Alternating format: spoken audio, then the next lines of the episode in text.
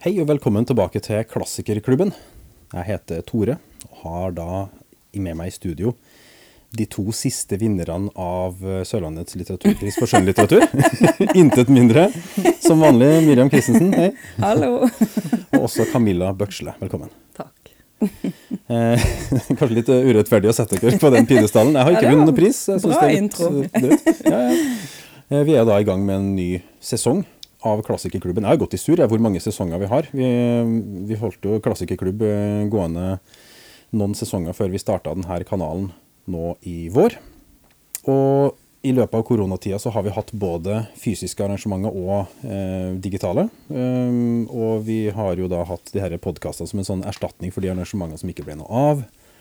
Eh, men vi har trua på at vi skal få til fire runder det her semesteret, Miriam, har vi ikke? I dag, ja, nå har vi satt opp både podkast og fysisk arrangement. Så vi har allerede hatt en lesesirkel med Camilla om eh, den boka vi skal snakke om her i dag. Og så har vi satt opp tre eh, arrangementer til. Eh, Annabelle Despard skal snakke om Emma av Jane Austen. Frida Forsgren skal snakke om eh, den tyske kunstneren og forfatteren Onika Zürn. Og så får vi besøk av Janne Stigen Drangsholt og Therese Eide, som eh, snakker om klassikere. Det er gøy. Det tror jeg blir en eh, festlig avslutning på, på det her semesteret. Jepp. Tidligere så har vi jo hatt uh, en del bøker som jeg personlig har lest mange ganger. Forfattere jeg kjenner veldig godt. Denne gangen så ser jeg for meg at jeg skal få lære masse, for jeg kan ingenting om Torborg Nedreås. Annet enn at du har skrevet den boka som vi skal snakke om i dag. Av måneskinn gror det ingenting. Og Camilla, kunne du være så vennlig å gi oss en kort introduksjon til denne boka? Hva, hva slags bok er det? Hva handler den om? Ja. Jeg må først si at det er ikke så rart at ikke du har hørt om Torborg Nedreås, hun er litt glemt i Norge. Enda hun er en av de største vi har, eh, og er veldig mye lest eh, ellers rundt i verden. Eh, Og respektert. Eh, det er heller nesten ikke skrevet noe særlig om henne, det er ikke skrevet noe biografi om henne. Så det eneste eh, Det er en eh, dame som heter Grete Fatima Saeed, som har skrevet en bok som heter 'Sommer med Nedreås', som jeg leste for tre år siden. Eh, jeg skulle egentlig flytte. eh, Et stort hus, en stor enebolig som skulle pakkes ned og flytte. Men jeg begynte å lese den, og ble sittende og lese egentlig hele Torborg Nederås forfatterskap. Så et eller annet mirakel skjedde. For det ble flytta. Jeg vet ikke hvem som gjorde det. så så jeg, jeg, jeg husker eh, i 1987, da var jeg 16, og, og da gikk det en, eh, en TV-serie eh, som het eh, ja, 'Måneskinn gror det ingenting', eh, der Anne Krigsvold spilte en helt fabelaktig og nok en av de beste rolletolkningene vi har hatt, eh, tror jeg, faktisk i Norge også. Og som, som veldig mange husker, den TV-serien. Og den, den berørte utrolig mange, og den berørte meg også. Eh, dette handler om en ung jente som var 16-17. Eh, og eh, den er veldig rå. Den, det var en veldig rå opplevelse. Eh, så da den eh, TV-serien var ferdig, så måtte jeg også lese den boka. Og det var også en eh, ganske voldsom opplevelse. Men det var for meg en opplevelse av å bli møtt som veldig ny ung kvinne. Eh, og det har jeg inntrykk når jeg snakker med andre og leser om, med, ø, om andre som har lest det, at det, eh, det opplevdes sånn for veldig mange som leste det, kanskje akkurat på den tida der. Og mange også på den tida hadde vel også noe forbindelse med det på skolen, tror jeg også, at det, Torborg Nedreås var nok mer i pensum enn det, det er nå. På 80-tallet, 70-80-tallet, tenker jeg. Men Torborg Nedreås var født i Bergen i 1906. Hun var eh, Gikk jo da gjennom både én og to verdenskriger. Men begynte ikke å skrive før eh, under andre verdenskrig, da hennes eh, eh, Hun var kvart jøde, tror jeg, og måtte gjemme sin mor og hennes eh, foreldre bort på landet et sted hvor de var gjemt. Eh, og da begynte hun å skrive noveller for alders. Kjærlighetsnoveller. Kjøpte seg en skrivemaskin og, og begynte å skrive. Og begynte etter hvert, eh, forteller hun eh, i intervjuet, at hun begynte å få et behov for å skrive noe mer alvorlig. Og debuterte med en novellesamling som heter 'Bak skapet står øksen', eh, like etter krigen. Og den var et av veldig få eh, en av veldig få stemmer som snakker mot stigmatiseringa av tyskerjenter og behandlinga av de. Og dermed også deres barn. Og en av veldig få som tok til orde offentlig på den, altså samtidig på den tida. Og skrev også at norske myndigheter hadde brukt krigen til å lære det nazistene visste, at uønskede mennesker kunne deporteres og dermed forsvinne. Det er ganske modig sagt rett etter krigen. Em, så eh, debuterte hun da eh, med romanen 'Av måneskinn gror det ingenting' i 1947. Det var også en kontroversiell bok da, eh, og på alle måter veldig rå bok i 1947. Eh, handler om eh, et, en ung kvinnes eh, begjær etter en mann, og eh, store kjærlighet og evig venten etter en mann. Kan man Eh, trygt si. kan man trygt si. Og også eh, eh, behandler eh, da konsekvensene som veldig mange jenter har det da, med graviditet og da eh, abort. Ab abort, var, var det forbudt fortsatt i Norge, eller var Ja, det, sånn det? absolutt. Ja. Det ble ikke lovlig før lenge etterpå. Så ikke bare stigmatiserende, men i tillegg faktisk, faktisk Ja, straffbart. og det liksom. var også fremdeles snakk om strikkepinner. Eventuelt eh, eh, det som heter klo, eh, hva vet du, det kone, klo, Kloke kloke koner og koner, sånn, og ja. Mm. enkelte leger som tok Ja. mot til bet, altså betaling, da. Hvis man kunne stille en far for ansvar, så kunne man kanskje, hvis man var heldig, og det gjør hun også. Mm. Eh, men det koster, og det er farlig både for lege og for Mm. eh, kvinne, ung kvinne, da. Men vi, eh, vi snakka jo litt om når handlinga i denne romanen Mm. er lagt, og det kommer ikke sånn veldig tydelig fram, men jeg tror den for, altså handlinga foregår i mellomkrigstida. Ja. Altså rett f- Kanskje rett, rett etter eh, første verdenskrig, eller et eller annet sånt. ja. For Det er ikke snakk om om- krig. Nei, men det er snakk om den revolusjonen i Russland og, Ja. og litt sånne ting. Mm. Som det blir lest om i aviser og Mm. Så, så det er på en måte Det er liksom sånn en helt annen forestillingsverden, da, Mm. man trer inn i når man, man leser det. Men, men jeg syns at stemmen til Torborg Nedreås i romanen er Mm. veldig sånn post andre verdenskrig-stemme. Mm. Så det er på en måte litt sånn Mm. å og på en måte ja, å sette handlinga inn i den der uh, 1920-tallet. Mm. Det, for det, det klinger veldig av denne her veldig sånn etterkrigsstemmen, på en måte. Syns jeg, da. Mm. Som har lest en del um, tekster fra den perioden. Mm. Modernismen Ja. som på en måte ja.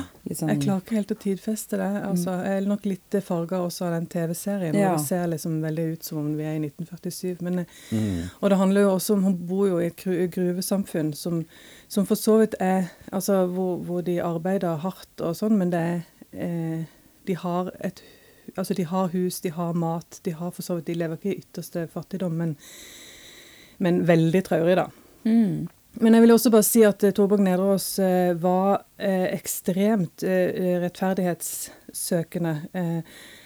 Og var, ble altså kommunist og møtte sin andre mann, Aksel Njå, eh, under krigen. Og flytta til Nesodden, og levde også Det er jo det som er så spennende med henne. Hun, hun er, det er derfor jeg skjønner ikke helt at ikke det er skrevet noe særlig biografier, for hun må jo være en biograf, biografs drøm. Eh, hun levde der som eh, kommunist eh, og med siamesiske katter i en svær villa, og holdt svære selskaper eh, med kunstnere og eh, Kanskje munnstykke på sigaretter. ja, hun hadde visstnok det. Røyker i hvert fall veldig mye.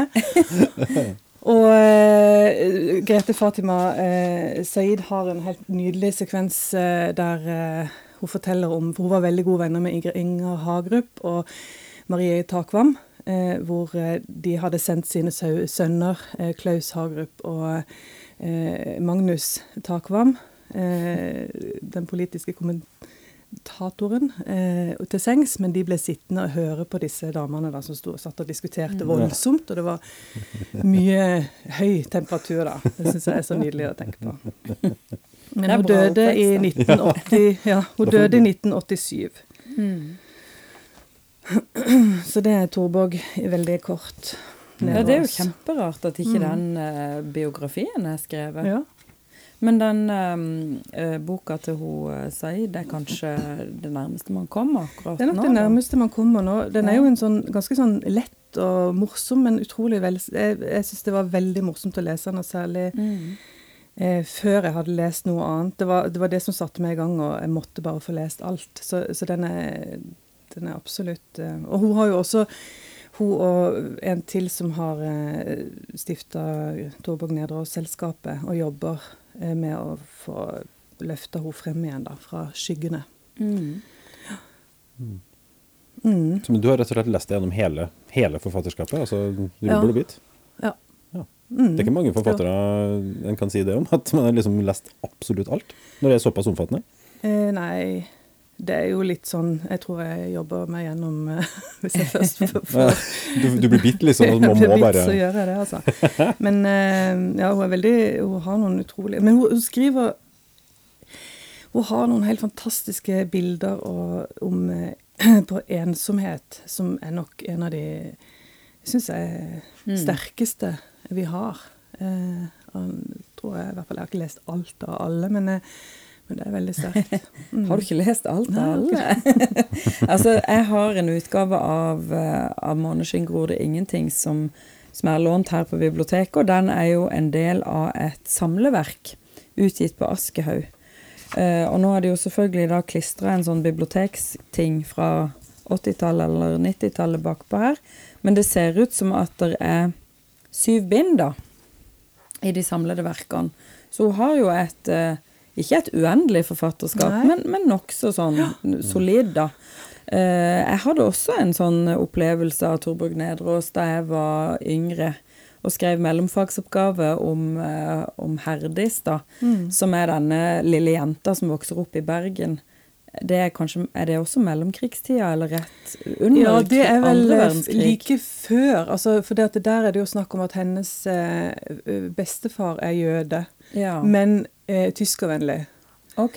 tyskervennlig. Ja, Ja. Så dette er jo liksom helt Stram sånn i slutten av 30 30-tallet. Ja. hvor han, eh, ja, så det er jo et utrolig morsomt eh, og spennende portrett av han, da. Ja, for det er jo denne Herdis-triologien, da. Ja. Eh, med trylleglasset og musikk fra en blå brønn. Mm. Også den siste. Ved neste nymåne. Ja. Eh, så, så hun Og jeg husker at eh, når jeg leste de Jeg leste også da 'Måneskinn gror det ingenting'. Jeg tror jeg leste 'Bak skapet står øksen'. Hun er litt en sånn type forfatter som du sier man blir litt sånn hekta på. Eh, Nesten sånn mot sin vilje. Altså når du leser av 'Måneskinn gror det ingenting', så er det en roman som hekter deg på, og så det, har du egentlig ikke lyst til å være der, på en måte.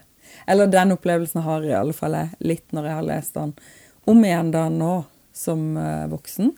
Altså er Det er så ubehagelig, og det er så vondt. Eh, og det er så mange valg som blir tatt, som du blir helt sånn ko-ko av å tenke på. Og du blir så frustrert over den tida denne hovedpersonen befinner seg og stedet og folkene. Og alt er bare sånn Du river deg litt i håret. Så, så jeg tenker det har jo på en måte ligget et, et Altså det er vondt å være den som Jeg tenker for en forfatter som Nedrust, det er vondt å være den som ser ting veldig sånn skarpt og klart og tydelig. Noe som på en måte da ikke går an å fikse. Så det ligger jo et sinnssykt engasjement bak å skrive en sånn roman som dette her, tenker jeg. Av Ja. 'Måneskinn går det ingenting'. For det er, sånn der, det er en sånn brannfakkel, eh, samtidig som det er en vanvittig høylitterær beskrivelse av ensomhet, som du sier, og altså en litterær sånn klo og Uh, sånn hun, hun virkelig holder fast i leseren. Hun klarer det. du bare liksom Det går kjempefort å lese det, samtidig som det er så vondt. Ja. Så hun, hun liksom Hun har en veldig sånn uh, Stemmen hos sin som forfatter er veldig sånn Du blir liksom sugd inn. Jeg husker det når jeg leste de Herdis-bøkene òg, at jeg ble helt sånn her eh, overmanna av det universet da, som hun klarer å skrive fram. Litt sånn sugd inn i det. Ja. Jeg syns jo jeg, jeg, jeg opplevde det aldri som vanskelig. Jeg, jeg opplevde meg mer møtt i det. Altså Fordi at hun beskriver en ensomhet som jeg tror, og som Torborg Nedreås også sier noe om at hun mener at alle har. Altså Hun resonnerer med noe som vi En, en bunn. Det, det er jo det hun um, sier om musikk fra en blå brønn. Da blir hun også spurt i et intervju eh, hvor, hvorfor brønn, liksom. Og da sier hun jo noe om Ja, først så sier hun ja, brønn. Jeg vet ikke, brønn. Men det, det er jo noe med at det, det er på en måte det der, den, det der man vil ned i, eller det, man, det som trekk, trekker i en, og som trekker i alle. Eh, og så hvis du sier til et barn at eh, du må ikke gå i nærheten av brønnen, så gjør jo barnet det. Eh, og så, Ikke eh, alle. Nei, nei, det er kanskje Men, det. men det er jo, det, det er jo Men det. Ja, men det er det, jeg, tror, jeg tror nok det er det Altså, det ligger litt i hun. Eh, Det, den der, eh, det ser en jo kanskje litt på hos sitt liv òg, at hun har en, et, eh, et dyp som trekker i henne, på en måte. Det er jo det hun beskriver. og det, det tenker jeg at eh, det resonnerer eh, med dypet i Ja, jeg tenker jeg veldig mange som ha, Mm. kanskje har det, da, som trekkes lenger ned. Ja, et eksistensielt dyp, Mm. også en sånn dragning mot det farlige. Avgrunnen. Avgrunnen, eller det forbudte, eller det eh, Altså også denne her kampen mellom på en måte de der sosiale kodeksen som menneskene har satt opp, Mm. Ja. kontra på en måte naturen, biologien, drifter. Det er liksom sånn som bare Mm. Naturkreftene som raser gjennom et menneske, i begjær og lidenskap og alt. det, det er, er jo det er voldsomme som- krefter. ja. Det er et svært lerret du trekker opp, da. Men eh, Men det er det. Ja. Det er et svært lerret, og det er jo det som også jeg tenker må jo ha vært ganske sånn nytt på en måte i litteraturen der, og det er jo det eh, ungpikebegjæret, da. For det, det blir jo også eh, beskrevet på en helt ny måte, der jeg tenker at det vanlige har det vært den gangen, og for så vidt fortsatt òg, at, at det er en ung pike som blir eh, tatt, på en måte. At man bare blir At man er frarøva sin uskyldighet, på en måte. Men hun viljeløs, liksom? Eller ja, hun beskriver altså eh, Det er hun som initierer dette forholdet Mm. med Johannes, og det er hun som holder det ved like eh, og aldri blir ferdig med han. Og det er jo forferdelig, selvfølgelig, men det er likevel eh, Det er hennes drifter, på en måte. Og det, det, det også syns jeg jo er utrolig eh, et, Jeg kan tenke meg at det var ganske nytt. Jeg har i hvert fall ikke lest noe annet. Man kan har lest det omvendte, på en måte, med en mann som går og venter på en kvinne, og, og man kan uh, synes at det er vakkert fordi at at det er kvinnen som skal være gjenstand for et begjær. Mens når det er omvendt, så er det veldig kontroversielt, og det er det fremdeles. Det blir fremdeles diskutert om, om dette er bra eller ikke. så, eh, så det er én ting. Og så tenker jeg òg at det, en annen ting som jeg syns er veldig sterkt med den eh, romanen, det er den frihetstrangen som hun har. Hun kommer fra et gruvesamfunn, eh, ønsker seg hun, Grunnen til at hun forelsker seg i denne Johannes, er at han er lærer, eh, og han, hun er elev, og han gir henne en S i faget. Altså hun ser eh, han, hennes Ja. Eh, hun blir sett på, på noe hun kan, og han sier også at du burde kunne egentlig studere videre. Noe som selvfølgelig for hun, der hun kommer fra, er helt eh, umulig. Men det er likevel en sånn eh, mulighet, altså en sånn ja, En som jeg drøm. ja, som jeg tenker at han, hun, hun, eh, hun strekker seg etter. Også at han på en måte er et sånn frihetshalmstrå som hun også strekker seg etter. Og han sjøl er på en sånn klassereise. Han vil opp, han også, så han prøver å få tak i apotekerens datter eh, også. Så alle er på en måte Eller begge to er ute etter å finne en ny frihet, da. Mm. De er bare litt i utakt med hverandre. Han er på vei liksom ett hakk lenger opp enn hun, på et vis. Mm. Men vi kan liksom. bare si veldig sånn kjapt, da, for det har vi egentlig ikke sagt. Men altså, hele romanen er da Den starter med at en mann eh, ser en ung kvinne på en jernbanestasjon og blir veldig sånn trukket mot henne. Hun går i en sånn lys blå kåpe og har en rød koffert og flate sko. Og hun ser veldig, veldig ung ut. Og så se, kikker han litt på henne. Liksom, ja, her er det ei dame som går alene seint på kvelden på stasjonen. og så ser han at hun er litt eldre enn han hadde tenkt. Og så eh, på et eller annet vis så oppstår det en sånn eh, overenskomst uten ord, da, sånn at hun følger etter han ut av jernbanestasjonen. Litt, det er litt sånn uklart om hun kanskje trekker på gata, og at han plukker henne med seg da. Og så ender de opp hjemme hos han. Og når de kommer inn dit, så åpner hun endelig munnen, holdt jeg på å si, og sier at uh, han kan få velge. Han kan få ha henne i natt. Enten kroppslig eller sjelelig, på en måte. Og da velger han sjelen. Eh, og så eh, begynner hun å fortelle sin historie. Så det er rammefortellinga. Det er en kvinne som sitter og forteller en helt ukjent mann sin livshistorie gjennom ei hel natt. Så dette er jo en, en roman som er skrevet i monologs form. Og så av og til er det sånne små avbrytelser hvor denne mannen som da gjenforteller denne monologen, bare sier at nå kjører trikken forbi utafor, og nå begynner morgenen å komme, og folk begynner å gå til jobb og sånn. Eh, mens de sitter og drikker, og hun røyker så sinnssykt mye. Og, og, og det kommer jo også fram at hun er slettes ikke 18 eller 28, men hun er 38. Så hun er jo skikkelig steingammel da på den tida som denne boka ble skrevet, ikke sant? Og på en måte sånn. Og syk. Og så er hun også syk. Så det er jo også Og et premiss, da. Ja. Mm. At hun, hun kommer til å dø. Eh, så, så det er en sånn der eh, eh, Dette er jo ikke en ukjent eh, sånn litterært grep da, i litteraturhistorien. Og det blir også henvist til Dekameronen, for eksempel, Mm. flere ganger. Um, og så kommer denne fortellerstemmen som da nærmest i en sånn slags Ja, det er jo en bekjennelseslitteratur på en måte, da. Hun bekjenner liksom alle sine synder, på, en, på sett og vis. Um, det hun ser på det hun har gjort, uh, som synd. Eh, det er også på en måte Det ligger jo en slags synsbekjennelse i det å på en måte betro seg til han om disse strikkepinneabortene hun har utført på seg sjøl. For det tynger jo. Mm. sånn at hun egentlig ikke Ja.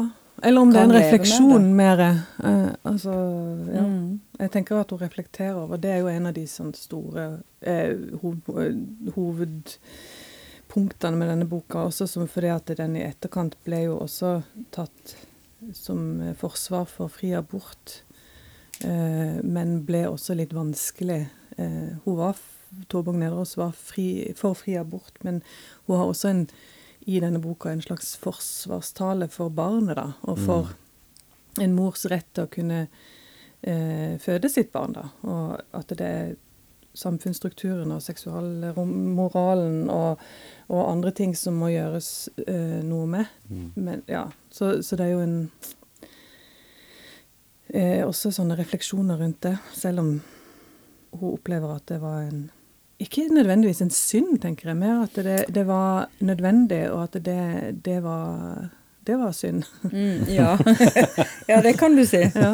Eh, jo, jeg tolker det kanskje veldig Mm. sånn inn i den store litteraturhistorien da, som en sånn eh, bekjennelse, da. Men eh, eh, hun sier jo også til han mannen som må høre historien hos sin, at altså når hun forteller på en måte de mest grusomme detaljene ifra eh, sine Hun har hatt tre aborter, og den første ble utført av en lege.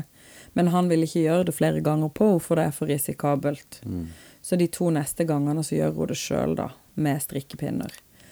Og det er jo sånn beskrivelse av det, ikke sant? Og nå lager vi litt sånn grimaser, fordi vi syns det er vondt å bare tenke seg inn i det, men det blir veldig detaljert beskrevet. Og da sier hoved, ho- hovedpersonen til han tilhørende at nei, ikke snu deg vekk nå i på en måte i avsky eller i, i smerte eller hva enn det er. Dette må du høre på. Så det, det, er jo, det er jo noe som tynger eh, hun. Og jeg tenker at eh, før hun skal dø, så får hun liksom denne muligheten da til å eh, legge fra seg sin historie da, hos en fremmed mann. Og det er jo litt sånn parallelt med en sånn katolsk skrifting, ikke sant? Ja, At du forteller den på en måte, du er anonym, ikke sant, og sitter bak et forheng, og, og, og kan bare si ting som du Som på en måte da aldri mer skal Mm. være der, på, som du kan forlate, da. Ja. Jeg husker at jeg syntes det var veldig vakkert. da. Jeg vokste opp i en veldig sånn feministisk eh, tid, og jeg husker at jeg syntes det var utrolig vakkert at denne fortellinga ble fortalt til en mann. For det at eh, Jeg opplevde det som en sånn slags forsoning av kjønnene. At, eh, at eh, både at han hørte han var så velvillig eh, eh, og utrolig tålmodig lytter, og samtidig at hun fortalte alt og ba han om å ikke kjede seg. For det at det er så mye av dette som bare er et sånn eh, kvinneliv, som selv eh, kvinnekodeksen er at du skal bare tåle dette. Eh, men det at hun på en måte all, hun bare holder på og holder på og holder på til det nesten eh, kjedsommelige selv for leseren og for han, så husker jeg at jeg opplevde det som utrolig håpefullt, egentlig. Eh, Og jeg tenkte at det var veldig sånn nydelig av Torborg Nedreås å legge dette i hendene på en eh, mann som hørte etter. Eh, Så det, det Men det er det jo mange meninger om, da. Mm. Mm. Du snakka innledningsvis om at um, Nedreås kanskje er litt glemt. At du var med, brukt som litt pensumlitteratur, eller at utdrag blir brukt i skolen og sånn. Ja, Eh, ble, ikke nå. Ble, ja. Ikke sant? I, i fortid. Eh, Men hva, hva kan være grunnen til det? Altså, er, snakker hun om ting som var viktigere for en etterkrigsgenerasjon enn de er nå, eller? eh, Nå, snakker jeg for så vidt større enn bare denne boka, riktignok. Men Mm. Nei, altså En ting var jo at hun var kommunist, og det har jo Mm. alltid vært problematisk og med Torborg Nedreås. Hun var nå, også har jeg, nå har jeg faktisk lest at du ble sparka ut Ja, av Kommunistpartiet. Det hun jo et- pluss eller minus, her, men Nei, er det pluss eller minus? Mm. Nei, ja, kan du si hun, Det var jo NKP, det var jo ikke AKP. Altså det var Norsk Kommunistparti hun var medlem av, både hun og Nå presiserer du det her som om jeg skal ha full kontroll på hva forskjellen er på NKP og AKP, men det har jeg ikke, altså. Nei, Eh, Arbeidernes kommunistparti og en norsk, norsk kommunistparti, det var to forskjellige ting. jo, Og etter, altså Det var en som heter Peder Fu- Furubotn-saken. Det var en stor sak okay. i kommunistpartiet i 1949. Han ble ekskludert fordi de mente at han hadde eh, ja, samarbeida med nazister. Eller, altså det har vært en stor Men man mener også at han ja, det er, en, det er en kjempestor sak, det, det er ikke noe å ta nå. Men hun ble i hvert fall ekskludert sammen med han og 200 andre som ble ekskludert. Men de, de var kommunister og sovjetvennlige helt til sin eh, død i 1987, var hun. Og Nato-motstander. Og hun har nok vært veldig sånn øh, hun har, Eller ikke nok vært, hun har vært en sterk sånn meningsyter. da. Hun hadde jo kos, hun var kåsør i, i radioen i mange, mange år. Det er jo en sånn oh, ja. stemme som veldig mange kjenner igjen. Og der òg var hun og vippa litt sånn på Mhm. ja, så, så, så det er nok Jeg vet ikke eh, hva det er som gjør at hun Men Ja. jeg tenker jo at det kan i hvert fall være en grunn. Det er Ja. noe som Grete Fatima Seiden er under, i hvert fall. Og så er det kanskje også noe med det at eh, eh, Altså, det har vært Hun er jo mest kjent for de Herdis-bøkene, de- den trilogien, og, og det har vært mange veldig sterke barndomsskildringer i norsk litteratur fra den perioden. Fra kanskje sånn eh, før, under og rett etter andre verdenskrig. Altså Tarjei Vesaas og Johan Borgen og Altså, det er mange, da. Det kan jo også bare være så enkelt som at eh, eh, på et eller annet tidspunkt så ble man lei av alle disse barndomsskildringene i norsk litteratur. Nå må vi videre til noe annet. Og Naiv Super og Erlend Lo og, og den pakka der. Eh, og så er det, da er det jo ikke noe pluss heller å være både kvinne og kommunist og Mm. Og ha siameser katter og Nei da. Nei, jeg vet ikke. sånn. det Nei, men hun er kanskje ikke den som da har blitt huska best, ikke sant? At Jeg tror nok vi snakker måte- kvinne og kommunist her. Ja. For det er jo noe av menn som fremdeles blir trukket frem Ja. fra Ja. Jeg, nå kjenner jo ikke jeg Mm. altså eh, videregående skolepensum i norsk inngående akkurat nå, men mitt inntrykk er jo at man leser mindre og mindre klassikere, da. At man liksom Ja, og at man leser mye mer utdrag og, og sånn. Og det er klart at det er jo omfattende å sette Ja. seg ned med dette. Ja. Mm. Jeg er husker vi hadde, vi hadde gikk gjennom den som het 'Kall meg Linemor', som var, er jo også et Og det er jo igjen Hun har jo altså, noen bilder på ensomhet som er helt eh, eksepsjonelle, altså. Hvor dette er en eh, tjeneste Litt eldre eh, tjenestedame, dame, da, kvinne, jente, som later som hun har noen på rommet eh, sitt. Eh, altså hun er så ensom at hun later som hun har en mann på rommet sitt hver kveld, eh, og, og skal til slutt eh, avsløres. Og det viser seg at hun ikke har noen. Hun har bare Ja. som sånn at de rundt skal på en måte tro at hun, Mm. at hun ikke er alene. Så det, hun vil heller liksom knipes, eller at noen skal tro at hun Mm. ja, er løs, enn at, eh, Ja. at Mm. noen skal tro at hun er ensom. Det er Så- mer, er mer interessant hvis du har en mann på rommet som nettopp har gått eller sneket seg ut i vinduet, Ja, eller, men han at, var her. at det ryktene går om at Ja. her er det noen som, som Ja. vil være sammen med henne. Det er mindre stigmatiserende for hun enn å Ja. Mm. at bare den Så det er jo noen Altså- sånne bilder, og også egentlig i, i 'Måneskinn gror det ingenting', så er det også et helt eksept... Altså, det er så voldsomt, for det er jo uh, denne unge eh, som jeg da har av et eller annet grunn tror heter Klara. Uh, Ja. Jeg har lest det et eller annet sted, men jeg vet ikke helt hvor. Uh, eller så blir hun bare kalt hun og han. Uh, har eh, fødselsdag og har invitert Johannes, denne mannen som hun går og venter på hele tida, opp på rommet sitt. Eh, han kommer aldri. Det er den Mm. helt klassiske Hun sitter der med, med nydelig bord som hun har eh, pynta. Eh, og så kommer denne eh, Hun bor på et hotell, eh, og så kommer Jeg tror han heter Moen, eller noe sånt Ja, handelsreisende som har eh, lagt seg etter henne. Eh, og han kommer inn på rommet og prøver seg på henne. Hun klarer å få han ut, nesten ut av døra. Eh, han skal gå, og så eh, sier hun til slutt at 'nei, ikke gå, bli hos meg'. Og det er så, Det er veldig er sårt. så vondt, og så hvor bare tanken på, eller det å ha et menneske hos seg, eh, ja, Mm. er så Å ikke være alene, for hun er ekstremt alene, denne jenta, da. Det er jo på en måte et veldig sånn tydelig bilde av eh, en sjel, da, Mhm. kan du si, som ikke hører hjemme noe sted. Fordi at hun har på en måte vokst litt ut av den familien som er i, denne, i dette gruvesamfunnet. En sånn skikkelig arbeiderfamilie hvor liksom huden sprekker og sykdommene florerer og alt er tragisk og sånn. Der passer hun ikke inn. Fordi hun har evner, da. Hun har sånn skoleevner, så hun er flink på skolen, ikke sant, og kunne ha komme seg videre, men hun har ikke penger til å gå på gymnas. Og så er det denne sjelen også i forhold til denne Johannes, ikke sant, i kjærligheten også, så passer hun heller ikke inn. Så det, det er på en måte en, en person som, som ikke hører hjemme noe sted. Mm. Og som ikke har valgt det sjøl heller, for hun har bare de evnene og de følelsene hun har. Og så kan ikke verden ta imot henne, på en måte. Så det er en ekstrem eksistensiell smerte.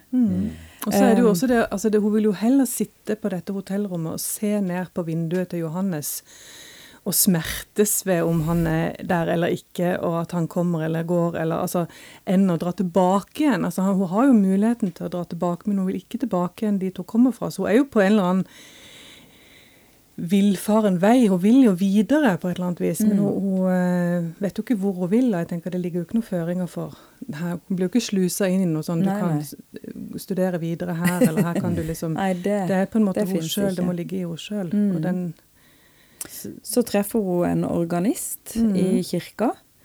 Eh, en eldre kar. Han er kommunist. Han er ikke troende, men han er en musikkelsker, eh, da. Altså han lever på en måte gjennom musikken. Og han introduserer henne for bar. Han spiller bar for henne. De er alene i kirka om natta, har låst seg inn. Og det blir på en måte en sånn vanvittig opplevelse for henne, at hun føler seg plutselig at hun kan gjøre noe i livet sitt, eller at hun får styrke, eller at hun Ja. Så det er jo også en sånn Jeg tenker Nedreås viser liksom at eh, det er håp, da. Mm. Eh, men det er håp i kunsten. Altså du må på en måte la flammene i deg sjøl få lov til å nære, eh, nøres opp, ikke sant. Men det, det er kunsten, da, og, og, og det der ute som skal, skal gjøre det for deg. Eller du må åpne deg for det, da. Eh, Så det, det er veldig mange interessante temaer i denne her romanen. Det er ikke bare den der aborten. Nei, nei. Og, og dette her er veldig sånn Mm. som er veldig knytta til den tida. Mm. Det, det er mye større enn det. Mm. Så jeg syns jo det er derfor denne romanen virkelig eh, ikke faller ut av tiden heller, ikke sant? Mm. Fordi den har denne her veldig eksistensielle tomheten og ensomheten som blir beskrevet utrolig godt. Mm. Som er veldig moderne. Og som Også- er veldig moderne. Den er veldig relaterbar enda. Jeg tenker jo at eh, 16-åringer som leser da nå, også ville kunne kjenne seg igjen i den ensomheten. Mm. Som er jo, og Det er jo det som er så fint. òg. den er jo på en måte, Du kommer jo fra symbiosen og fra paradiset på en måte. Eller hun kommer jo ikke fra noe paradis, men det er likevel barndommen, da. Og så kommer, går du inn i en Altså du skal gjennom en sånn ensomhetsperiode for å liksom bli deg sjøl igjen, da. Og som jeg tenker treffer eh, Må jo kunne treffe ungdom også nå. Mm. For den er ganske sterk for de fleste. Men hun lar hun jo gå til grunne, da. Og det er jo det som eh, jeg syns er fint òg, at det, eh, hun blir spurt om det at hvorfor liksom ikke eh, kunne liksom ikke skje noe Kan ikke skje noe fint, liksom. ja. Nei, men hun sier det at, eh, at hun vil beskrive bare mennesker. Altså det er ikke noe eh, Det er ikke noe happy ending. Det er bare en Det er ikke noe plott her? Nei, det er ikke noe plott. Det er bare er- mennesker som Mm. møtes, og så skjer det sånn og sånn og sånn. Men det er ikke nødvendigvis sånn at eh, fiolinen begynner å spille, og så Eh, Det ligger jo liksom litt i kortene at hun kanskje skulle bli noe, da. Eller eh, Men hun Mm. blir ikke det. Og det, det, det er jo også noe som jeg tenker også gjør boka stor, på en måte. At det, Mm. det, at det er ikke noe Jeg satt og Pust. tenkte Ja. mm.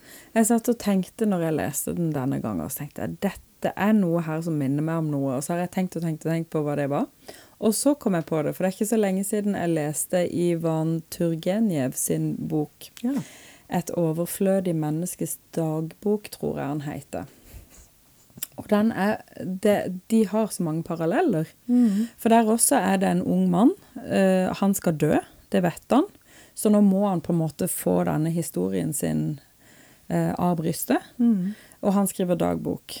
Og så forteller han denne historien om hvordan han kommer til en sånn liten russisk landsby. Der det er eh, liksom sånn sosial, eh, sosietet og sånn og sånn. Og så blir han jo helt, helt, helt forferdelig forelska i dattera til en sånn eh, embetsmann eller noe sånt, som han da havner i sånne selskaper hos hele tida. Og han tror hele tida at hun kanskje har fatta litt interesse for han.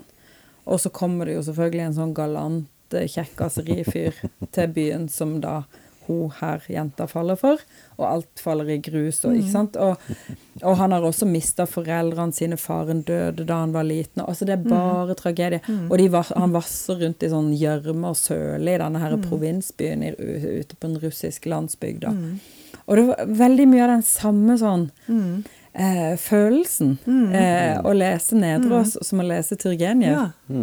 Mm. Eh, den derre intense sånn bekjennelseslitteratur eh, Altså å, å få bekjent sin ulykke og sin eh, Nesten bit, ikke bitterhet, kanskje, men sorg og, og liksom ensomhet sånn før en skal dø. Mm. ja. Det var liksom akkurat den samme mm. som premisset, da. Mm. Og jeg tenker kanskje Nedreås også har lest Turgenev, jeg vet ikke. Men jeg syns at de stemmene var liksom Det var et eller annet der som, som traff, da. Mm. Det er ikke utenkelig at du har det. Altså, jeg har jo lest kjapt om henne. ikke sant? Jeg ser at hun lærte seg fransk for å kunne lese Balzac på originalspråket. Og at hun holdt av forfattere som Hamsun, Strindberg, Cora Sandel, Amalie Skram. Typisk Så- kommunister. Ja. Men altså, så hun har gjort en innsats for å bli kjent med litteratur bakover i tida. da, ikke sant? Mm. Alle de her er jo altså Hamsun, Strindberg, Sandel, Skram, Balzac. Det er jo 1800-tallslitteratur. Mm. Og Turgenev òg, Mm. tror jeg. Er det Ja. det? Jo. Jo. Tror jeg. Eh, Altså, det er jo ingen tvil om at, at det er en høylitterær eh, forfatter vi har med å gjøre. Ja. Men du Camilla sa i starten at hun blir kanskje mer lest i utlandet enn Ja. i Norge? Altså, særlig Spania er jo veldig lest, og, og den boka blir stadig eh, eh, solgt i Spania. Og jeg hørte på Kulturstripa at eh, selv eh, den eh, kjente regissøren Pedro Almodovar Mhm. eh, i sin siste film Han er en veldig eh, stor Nedreås-fan. Og eh, har sneket inn av en måneskinngrodde ingenting', hvor hovedpersonen ligger på en seng og leser, eh, leser av måneskinngrodde ingenting', og også eh, resiterer fra boka. Og, Herlighet. Helt sprøtt. Så, eh, ja, så Nedreås lever utenfor eh, Norge. Men det er jo kjempegøy. Ja. Kjempespennende. Og, og bare det å liksom forestille seg at man kan gjøre Altså, ja. Hun befinner seg liksom i de spanske hjerter, og så Ja. ikke her, liksom. Ja, ja, og så tenker jeg også at det der ligger jo liksom det derre La oss kna dette, liksom. Dette, denne ens, jeg tenker at kanskje den, der, den ensomheten, på en måte, det skriket, det kanskje ligger lenge, nærmere spanske hjerter enn eh, det Ja, litt det. mer sånn Ja. eh, men jeg tenker, altså se, I Norge så er det litt sånn Jeg syns jeg stadig hører litt sånn Hvorfor kunne det ikke være litt mer hyggelig i den boka? liksom? Jeg, de kunne jo hatt det litt hyggelig også, liksom. Det er så mye vondt i så den mye boka. Og så tenker jeg at det er jo litt sånn en kunne sagt til Munch Kunne du ikke malt en skjønn Ja. rose ved siden av skriket? Eller liksom? kunne du ikke liksom hatt litt humor. ja, litt Kom igjen. humor og litt sånn noe hyggelig. Eh, mens, eh, og det kan jo klart at kunne malt noe hyggelig i stedet, men det ville jo ikke resonnert på en måte Nei. med det der eh, dypet, da. Så der, men det kanskje stemmer bedre med det spanske. Helt fantastisk. Ja, Ja. Utrolig. Så jeg ser liksom ikke for meg Antonio Banderas uh, ligge og lese Nei, jeg er ikke sikker på om det var Antonio Banderas, men jeg det, mener det var det de sa. Altså, at det var det. Det er liksom to helt forskjellige verdener som plutselig Oi, er det overlapp der? Ja. Det er kult. Ja. Men uh, så har det jo også vært en, uh, en sånn debatt rundt Torborg Nedrås mm. uh, de siste par årene, som du, Camilla, egentlig vet mer om enn meg. Men jeg refererte Når vi snakka før podkasten, så sa jeg til deg at jeg hadde lest Toril Moi sitt foredrag om Av måneskinn gror det ingenting, som har tittelen 'Kjærlighetstortur'. Eh, og det er i en serie med foredrag om kultur og liv på 1950-tallet, som jo er det tiåret Toril Moi sjøl vokste opp, da.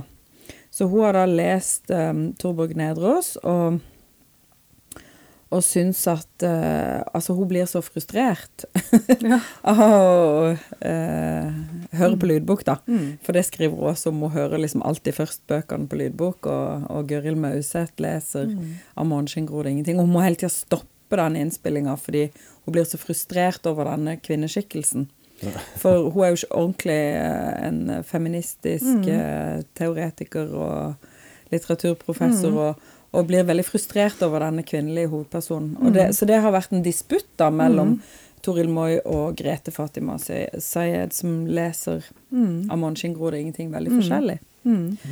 Eh, og det tenker jeg jo også er bare pluss for Torborg Nedreås. Ja. At man kan være så uenig om en roman. Ja. Diskutere det.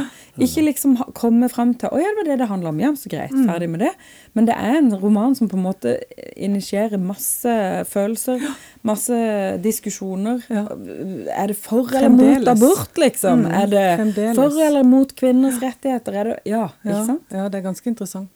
Og jeg tenker jo, Det er jo litt det samme som med Skrik òg. Jeg tenker at ja, kunne jo ha eh, tillagt henne litt mer stemme, selvfølgelig. Men jeg tror ikke den boka ville holdt seg, rett og slett. For det at eh, hun, hun snak, Altså, eh, man kunne ønske seg at hun kunne eh, tatt en annen vei eller gjort noe annet. Men det, det ville ikke respondert Nei, det med ja. det som ligger i oss, altså det som faktisk det responderer med, eh, fremdeles den dag i dag, eh, hvis hun hadde gjort det. Eh, og jeg tror ikke nødvendigvis at det hadde vært noe sånn kjempe eh, eh, heller, om hun hadde gjort det, for jeg tror vi hadde glemt boka. Mm. For det, jeg tror, altså Det er jo det er jo den motstanden som ja. gjør at, eh, at, vi, at vi leser den, og som, og, og som også responderer med det nedrigste i oss. Altså Det er jo det òg. Det der med at vi Vi har situasjoner hvor vi faktisk ikke, ikke Vi er tause, og vi Altså det er det, det er det å være menneske, på en måte. Eh, og vi kunne ønske oss å å, eh, reagere annerledes og sånn, men på de I de eh, ja, en sånn situasjon, så, så gjør man kanskje ikke det. Eh, Altså, hun tar så- jo på en måte ikke noen gode valg heller Nei. i denne romanen. ikke sant? Eller hun på en måte gjør ting litt feil. Mm. Hun kommer eksempel, hun vet at faren ligger veldig veldig sjuk og antageligvis kommer til å dø, så klarer hun liksom å komme hjem sånn to minutter etter at han er død. Ja. Hun klarer liksom aldri å reise hjem dit og besøke han mens han ligger syk. Og du, du, du blir liksom helt sånn, ikke sant? Um, det er ikke en person som har liksom måttet reise fra andre sida av kloden for å komme hjem til faren som ligger for døden. Nei. Hun er ikke langt unna, Nei. men klarer ikke å dra dit. Nei. Og når hun kommer, så er han død. Og hun velger det jo bort fordi hun vil sitte og se på rommet til Johannes. i Ja, om han slår av lyset eller ja. på lyset og Så det er jo sånn. Så, Og det også blir jo Torborg Nedreås også eh, spurt om, eh, om dette med sviket. Men det er jo det også at hun tillegger det også selv, eh, denne kvinnen som, vi egen, som egentlig liksom er den lidende, på en måte. Hun også blir tillagt et svik. mm, Eh, og hun sier jo også at sviket er allmennmenneskelig. Eh, det er, vi sviker alle. Alle har på en måte gode, gode intensjoner, men vi sviker alltid mm, allikevel. Og det gjør alle. Eh, Det er ikke Johannes nødvendigvis bare som sviker, det gjør også denne kvinnen. ja. Eh, Så, så det syns jeg jo også er jo veldig menneskeliggjørende, da. Mm. Og det er liksom dette her at uh, Ja, det fins i oss alle, det fins i henne. Det er ikke noen sånne Det er ingen um, pappfigurer i denne romanen, for å si det sånn. Nei. Det er Store alt- dyp i alle sammen, liksom. Ja, det er det, altså. Ja, hun sier det er noe så aldeles forunderlig og ubegripelig å være menneske. Man er ikke bare kropp, man er dessuten alt man har opplevd, og de mennesker man har knyttet seg til. Og så sier hun også at det, det er ingen ringe forbrytelse å drepe et annet menneskes glede. Dette er noe vi alle kan ha fornemmelsen av uten å sette plakat 'snill' eller 'slem'. Det er noe som griper inn i alle de fine nerver som finnes hos de fleste mennesker. Så det er på en måte også noe med at hun de skal ikke være, Det er ikke mennesker som er enten Johannes er ikke slem, han er et menneske, og hun er ikke snill. Det er ikke noen Mm. som er det. Eh, Mm. Og det også er jo veldig tydelig hos sitt forfatterskap. da. Mm. Også i Herdis. Og det er jo også et veldig moderne trekk, vil jeg si. Det er Mm. med grås, altså, gråsoner At alle er i gråsonene. det- Jeg syns det bare kommer flere og flere bøker hvor det er liksom Jeg vet ikke helt hvem som er snill og slem i denne boka, her, for alle er liksom begge deler.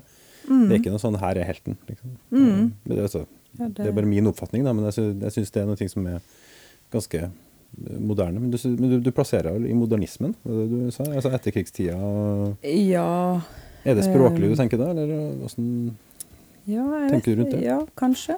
tematikk, eller? Ja, ja. Om når jeg begynte å tenke på Turgenev, så mista jo det litt uh, Ja, ja, relevans, da. Ja, men samtidig, når Så- du har det med dypet i menneskesinnet, så tenker jeg jo liksom Mm. på de her eh, eksistensialistene og Ja, litt det- sånn nå, egentlig. Det er jo det, er- Jeg syns jo det har litt preg av denne uh, Dette her tapet av mening som eh, tida etter andre verdenskrig ha, hadde i litteraturen. Jeg vet, Altså ikke, jeg vet ikke når Camus kom med den fremmede, var det samme år? 49? Noe sånt? Ja, ikke sant. Og du har, rundt den samme og du tida. har? Gunvor sånn Hofmo, ikke sant, som har 100-års Mm. eh, jubileum for Mm. eh, hennes fødsel Mm. i år. Og det er mange forfattere som, som har eh, ganske sånn Mm. Ja. Mm. Mm. Til og med Inger Hagerup i Mm. sitt barnedikt skriver, skriver sånn eh, om den lille gutten som seiler i, den sto, i det skipet Mm. liksom helt alene på den sorte jord, eller Altså, det, det, det er liksom eh, antydning til dette her meningstapet Mm. hos veldig mange rett etter krigen. Og det syns jeg jo også Torborg Nedreås i Ja, aller høyeste grad har, selv om hun er en engasjert og flammende politisk kvinne samtidig. Mm. Ja. Men eh, vi kan vel bare konkludere med at dette her er en oppfordring til å lese mer Torbjørn Mm. Nedreås, da. Mm. Mm. Jeg kan, jeg kan jo skyte inn at altså, nå dukka det altså opp i en spansk film Mm. fra et par år tilbake. Eh, Nedreåsstipendet har nettopp blitt oppretta i Ja. fjor. Og Mhm. altså et Uh, stipend eh, til forfattere, kritikere, journalister, studenter, lærere, kunstnere og andre som ønsker å fordype seg i hennes forfatterskap eller produsere noe i hennes ånd. Det blir delt ut for første gang i år. Ja. Til neste år så er det 75 år siden denne boka kom ut. er det liksom, kan vi håpe at det kanskje får et lite sånn oppsving, en, ny, en renessanse, eller at det, man gjenoppdager litt? Ja. De her bøkene om En sommer med Nedreås, ja, det hjelper. Det er jo ganske nytt. da. Det, det hjelper jo at noen skriver om henne og snakker om henne og tar henne opp igjen, selvfølgelig. Og nå tenker jeg jo at Camilla kommer til å gå hjem og begynne å skrive på biografien om Ja. eh, Torborg Nedreås. Så får vi den også. Ja. Torborg Nedrås sier sjøl, når hun blir spurt om happy ending, så sier hun at livet har ingen ending. Det er ingen slutt. Man kan ikke snakke om en glad slutt eller trist slutt. Det finnes ingen slutt. Og jeg skriver om mennesker, og mennesker er ofte ensomme. Jeg har ikke oppfunnet den. Og jeg skriver om det jeg har kjennskap til, men jeg skriver ikke selvbiografisk, sier hun. Ja. Det får jo du avgjøre da når du skal skrive Mm, den ja. biografien, da. Nå har vi bare bestemt det, at nå skal du sette i gang. Gå hjem og begynn. Eller noen andre. Jeg Eller håper at den kommer. noen, Jeg har skikkelig lyst til å lese om livet Ja. til Torborg Mm. Nedreås nå, etter å ha lest uh, de her bøkene. Og, ja. Mm. Jeg tror det vil være en spennende opp oppgave. Og Kanskje det er nettopp det som skal til for å få at flere får øya opp for både denne boka og andre bøker hun har skrevet. Ja. Mm. Skal vi si at vi setter strek der, rett og slett? Ja. Mm. Da må jeg bare få lov til å si tusen hjertelig takk, Camilla og Miriam, for at dere kom i studio. Takk skal dere ha. Takk. Vi kommer, kommer tilbake snart med Frida forskeren som skal snakke om unika surn. Syrn, surn, syrn. Noe sånt. noe sånt. Ja. ja. Frem til da, tusen takk for at du hørte på.